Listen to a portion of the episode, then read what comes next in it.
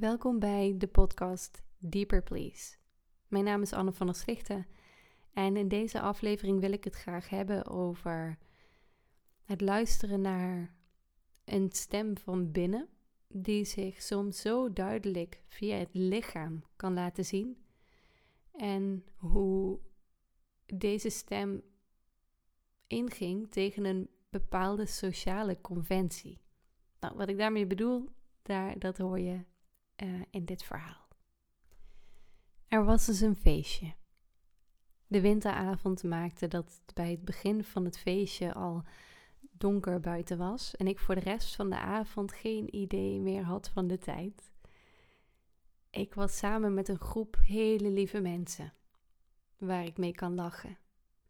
Maar om heel eerlijk te zijn, ken ik ze niet allemaal even goed. Met name één iemand in het bijzonder die kende ik helemaal niet. Goed, ik had haar wel eens gezien en we hadden wel eens wat vriendelijke woorden met elkaar gewisseld. Maar meer ook niet. Terwijl we met z'n allen de avond ingingen en de muziek zachtjes op de achtergrond stond, aanstond, merkte ik dat er een zekere spanning in de ruimte hing. En die spanning dat was heel interessant, want aan het begin van die avond voelde ik die nog helemaal niet. Ik verlangde naar stilte, gek genoeg. Terwijl ik daar in de ruimte zat, merkte ik dat ik steeds minder zei. Ik merkte zelfs dat ik niet meer reageerde op de grapjes die gemaakt werden. Het type grapjes dat ik in het begin van de avond wel nog leuk vond. Steeds meer trok ik me terug. Steeds meer trok iets in mij mij verder naar binnen. De nieuwe vrouw die ik nog niet zo goed kende, leek de spanning ook te voelen, maar zij deed het tegenovergestelde. In plaats van zich terug te trekken, um, zette zij een stap vooruit juist, in de groep. In een poging nieuwe mensen te leren kennen, want naast mij bleek, bleek ze sommige anderen ook niet zo goed te kennen, was zij het meest aan het woord en stelde heel goed bedoeld allerlei vragen aan mensen. Ze nam duidelijk erg extravert het initiatief. Ze was er goed in. Ik denk dat niemand in, op die avond zou ontkennen dat zij hier een, een hele goede ontwikkelde vaardigheid in had. In dat stellen van die vragen. Maar ik raakte ervan in de war. Mij verstoorde het mij in mijn steeds meer naar binnen gaan. En vanuit het niets vroeg iemand anders in de ruimte hoe het met mijn boek gaat. Alsof deze persoon voelde dat ik weg aan het trekken was uit de groep en me op deze manier erbij wilde halen. Zoals een visser het draad van zijn vishengel omhoog rolt en de vis uit de stromende rivier haalt.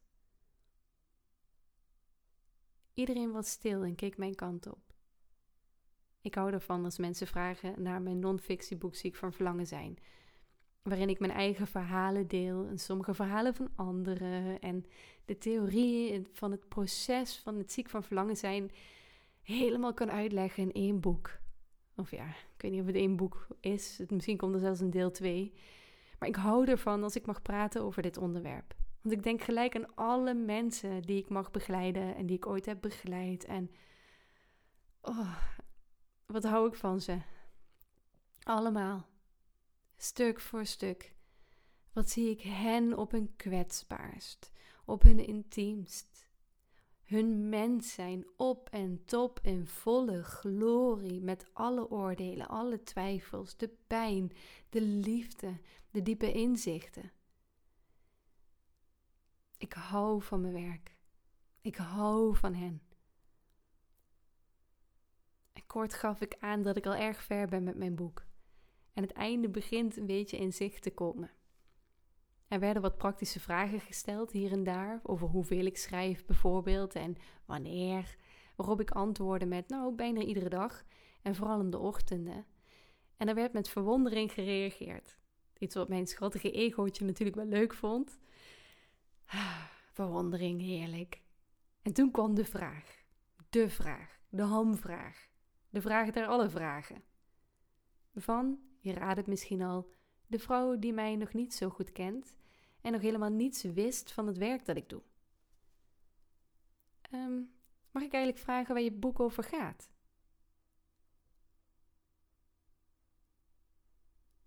De spanning in de ruimte was nog niet verdwenen. Ik voelde me om de een of andere reden tegengehouden om te praten.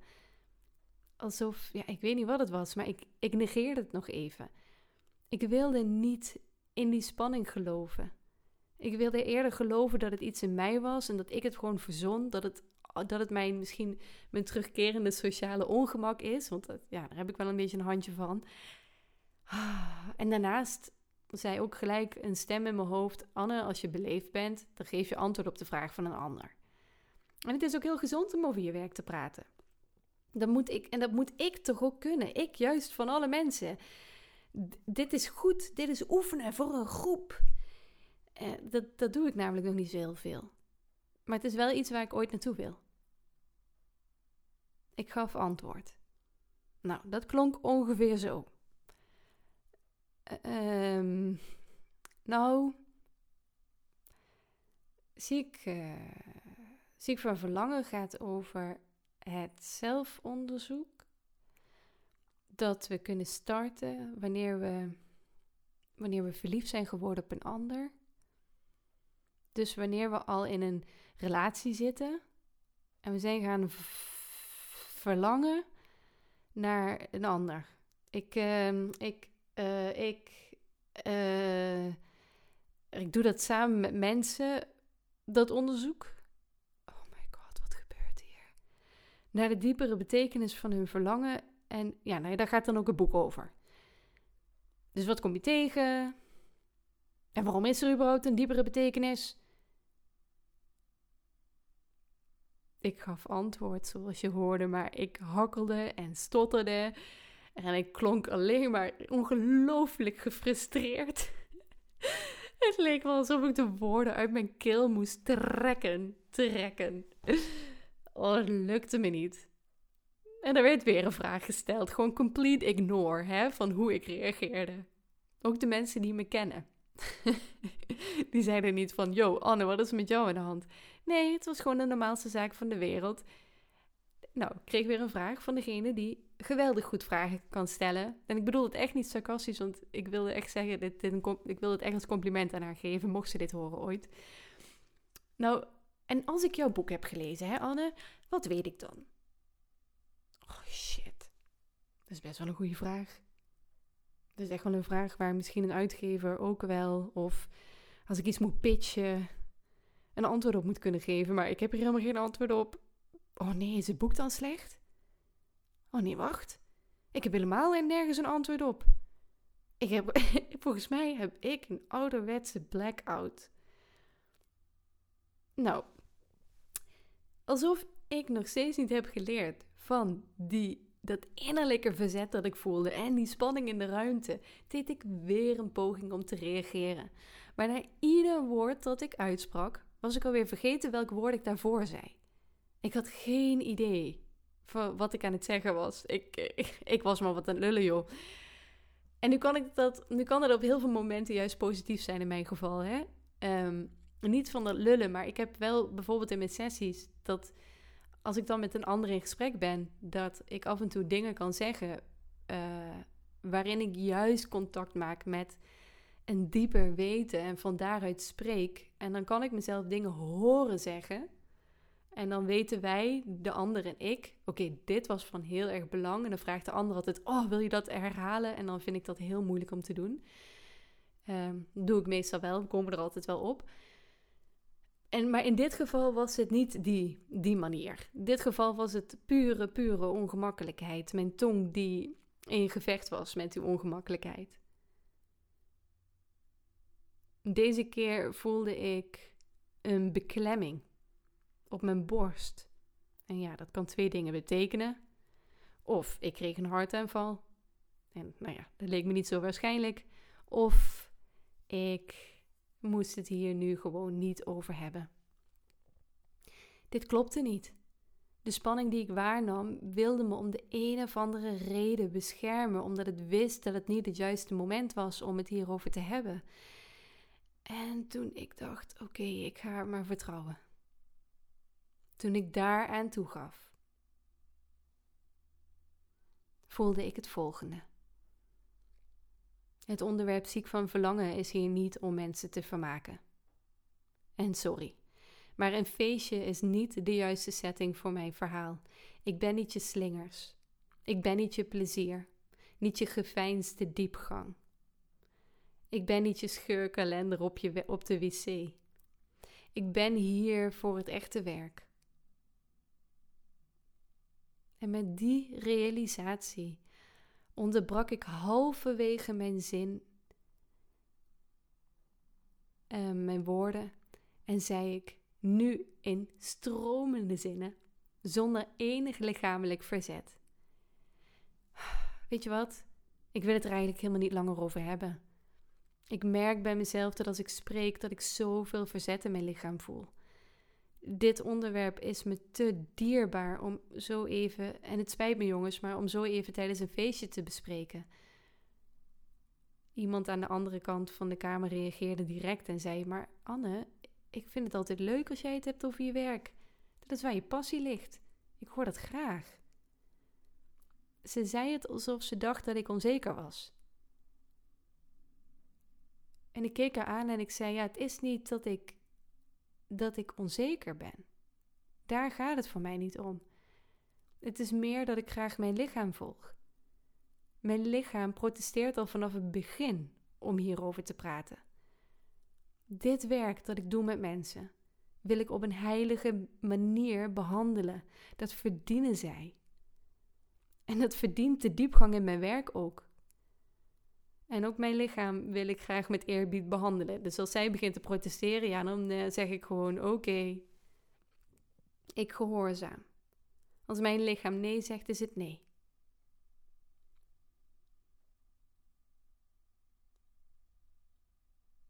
Er viel een stilte. Niemand reageerde verder. Het onderwerp verschoof naar iemand anders. Toegegeven. Naast dat de zelfliefde door mijn lichaam stroomde alsof ik net ecstasy op had en alles in mij riep: Oh, dankjewel Anne, dankjewel dat je naar me hebt geluisterd. Voelde ik me natuurlijk ook een behoorlijk potje ongemakkelijk. Ik deed iets wat zo tegen de sociale conventies inging. Ik was niet braaf, ik was niet meegaand, ik was niet gehoorzaam aan de groep. Ik was niet gehoorzaam aan mijn ego, die meent dat het goed is voor mijn werk om juist nu heel helder over mijn werk te kunnen praten. Nee, ik, ik volgde mij. En mijn innerlijke autoriteit die sprak: Anne, nu, nu even niet. Maar god, wat is dit moeilijk om te doen. Wat voelde ik me ook een freak. Ik wil trouw zijn aan mij, maar ik wil ook zo graag dat mensen nog van me houden. Ik wil dat mensen me de volgende keer ook nog uitnodigen op een feestje. Ik staarde naar mijn kopje thee, die inmiddels al een beetje koud geworden was. Het water in ieder geval in de thee. En nam nog, het kopje. Ik nam nog een slokje en ik kwam even bij van wat ik zojuist gezegd had. Volgens mij ben ik zelfs nog even naar de wc gegaan om een hand op mijn hart te leggen. Ik weet het niet eens meer.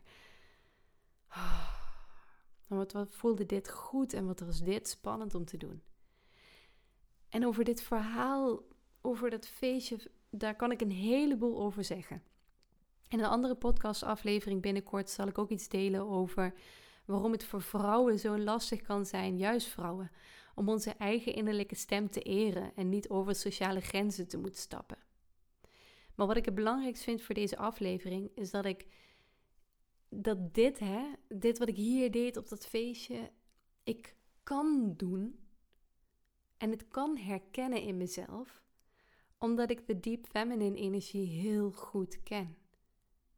De deep feminine is de onderstroming van het leven dat de pure scheppingskracht van het leven is.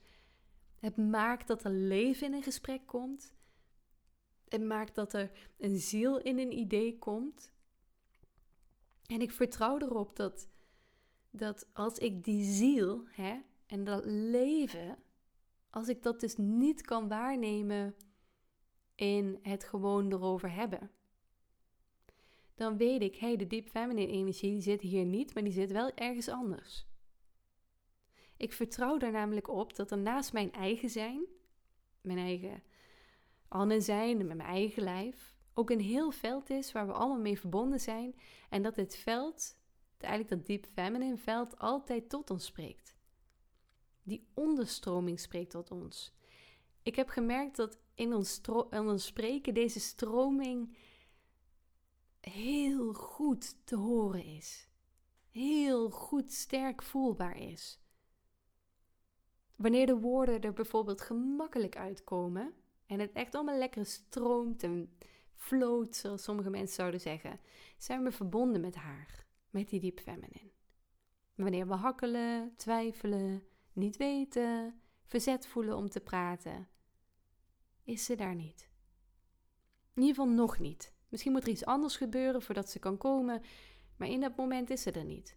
En dan mogen we op een andere manier ons verhouden tot het gesprek, bijvoorbeeld. Uh, en ons anders verhouden dan, dan haar. Soms kan het ook wel eens zijn dat je dan voelt dat de woorden er niet zijn, maar alleen maar één aanraking. Dat daar die grote heiligheid van de deep feminine in zit. Dat daar in één zin zo'n aanraking iemand helemaal laat ontspannen en zich gesteund voelt. Het is niet altijd met woorden natuurlijk. En sommige mensen zelfs zijn helemaal niet goed met woorden en moeten het juist van die lichaamstaal hebben.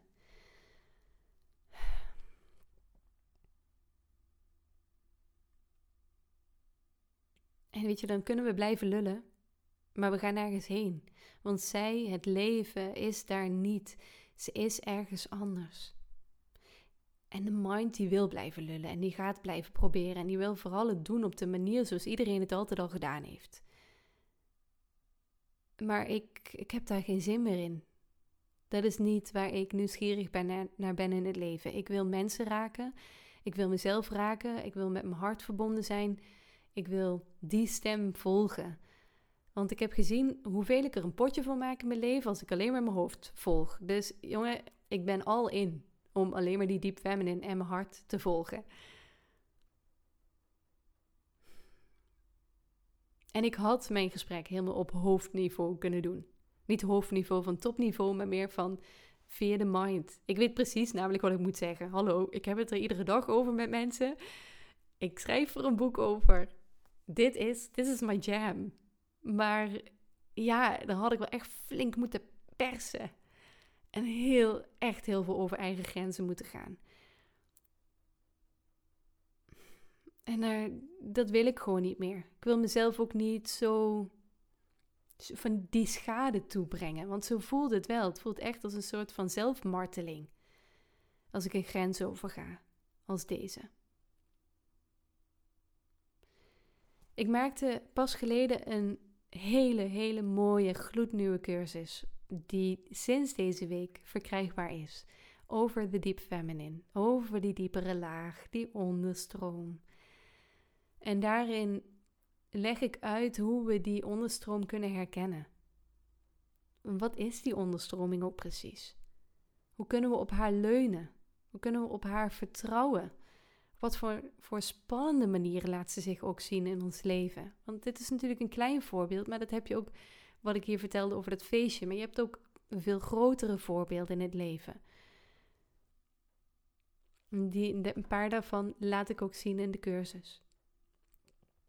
Hoe kunnen we haar gebruiken, die deep feminine in ons leven, om op een krachtige, om krachtige, ontspannen mensen te worden? Mensen waar we zelf blij, mee zijn. Van, oh ja, ik mag mezelf.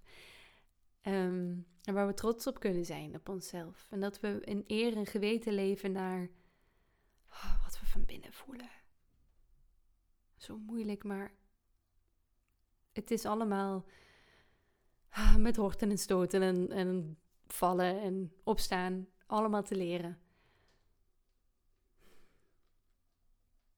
En dat we weten wanneer we een grens overgaan. En dit verhaal ging ik aan het begin van de vragen van mijn lieve feestgezelletjes een grens over. Ik ging een grens over. Een grens van mezelf. Omdat ik dacht dat het zo hoorde. En dat bracht me bij de vraag, dat brengt me nu ook bij de vraag: hoe vaak gaan we een grens over omdat we denken dat het zo hoort? Omdat iedereen het doet. Maar eigenlijk past het niet bij ons. Of niet in dit moment en misschien wel in een ander moment. En hoe herken je het eigenlijk als je lijf nee zegt? Hoe kunnen we beter vertrouwen op de nee's? Mijn Deep Feminine cursus zit vol met verhalen over het volgen van het lichaam. Verhalen van mij, verhalen van mensen die bij mij zijn geweest. En de reden waarom ik dit verhaal ook vertel, er zijn zoveel mensen ook om me heen geweest die op hun manier deze verhalen hebben verteld en die mij het vertrouwen hebben gegeven dat het helemaal oké is om bijvoorbeeld wanneer je een zin uitspreekt, een wil uitspreken, de eentje die je hebt bedacht, om hem halverwege te onderbreken. Ja, Poes, ik hoor je. Um, ja. Oké, ze wil even weg. Wacht, twee seconden. Nou ja, om dus je zin halverwege een zin te onderbreken, dat dat helemaal oké is. Poes laat zien hoe je dat doet. en we kunnen dit niet alleen. Dit is echt heel spannend. En um, ik hoop daar dus nog in een andere aflevering nog iets over te vertellen. Maar ik vertelde sowieso ook in de cursus over. Um, wat wilde ik nog zeggen? Ja, kijk, kijk op mijn website. Als je dit interessant vindt. Um, als dit je mag raken. En klik op de link, misschien ook onder deze podcastaflevering. Denk dat ik hem daar even onder plaats. Om op de pagina te komen van de cursus. En wie weet is het iets voor jou. En sinds vandaag staat er ook een kortingscode van 10 euro in de cursus uh, op. Voor de cursus Spreken vanuit het hart. Um, want daarin laat ik je ook praktisch zien hoe je dat doet. Spreken vanuit het hart. Hoe volg je die bewegingen van binnen? Um, en juist die tweede, Deep Feminine cursus en Spreek vanuit het hart. Oh, dat is gewoon een heerlijk pareltje. Ik vind het zo leuk om alles wat ik heb geleerd aan jou door te mogen geven op deze manier. Dus uh, daarmee heb je twee vliegen en één zielvolle klap. Dag lief schatje, tot de volgende keer. Dag lief, mooi, ander mensje. Leuk dat je luisterde. En tot snel weer.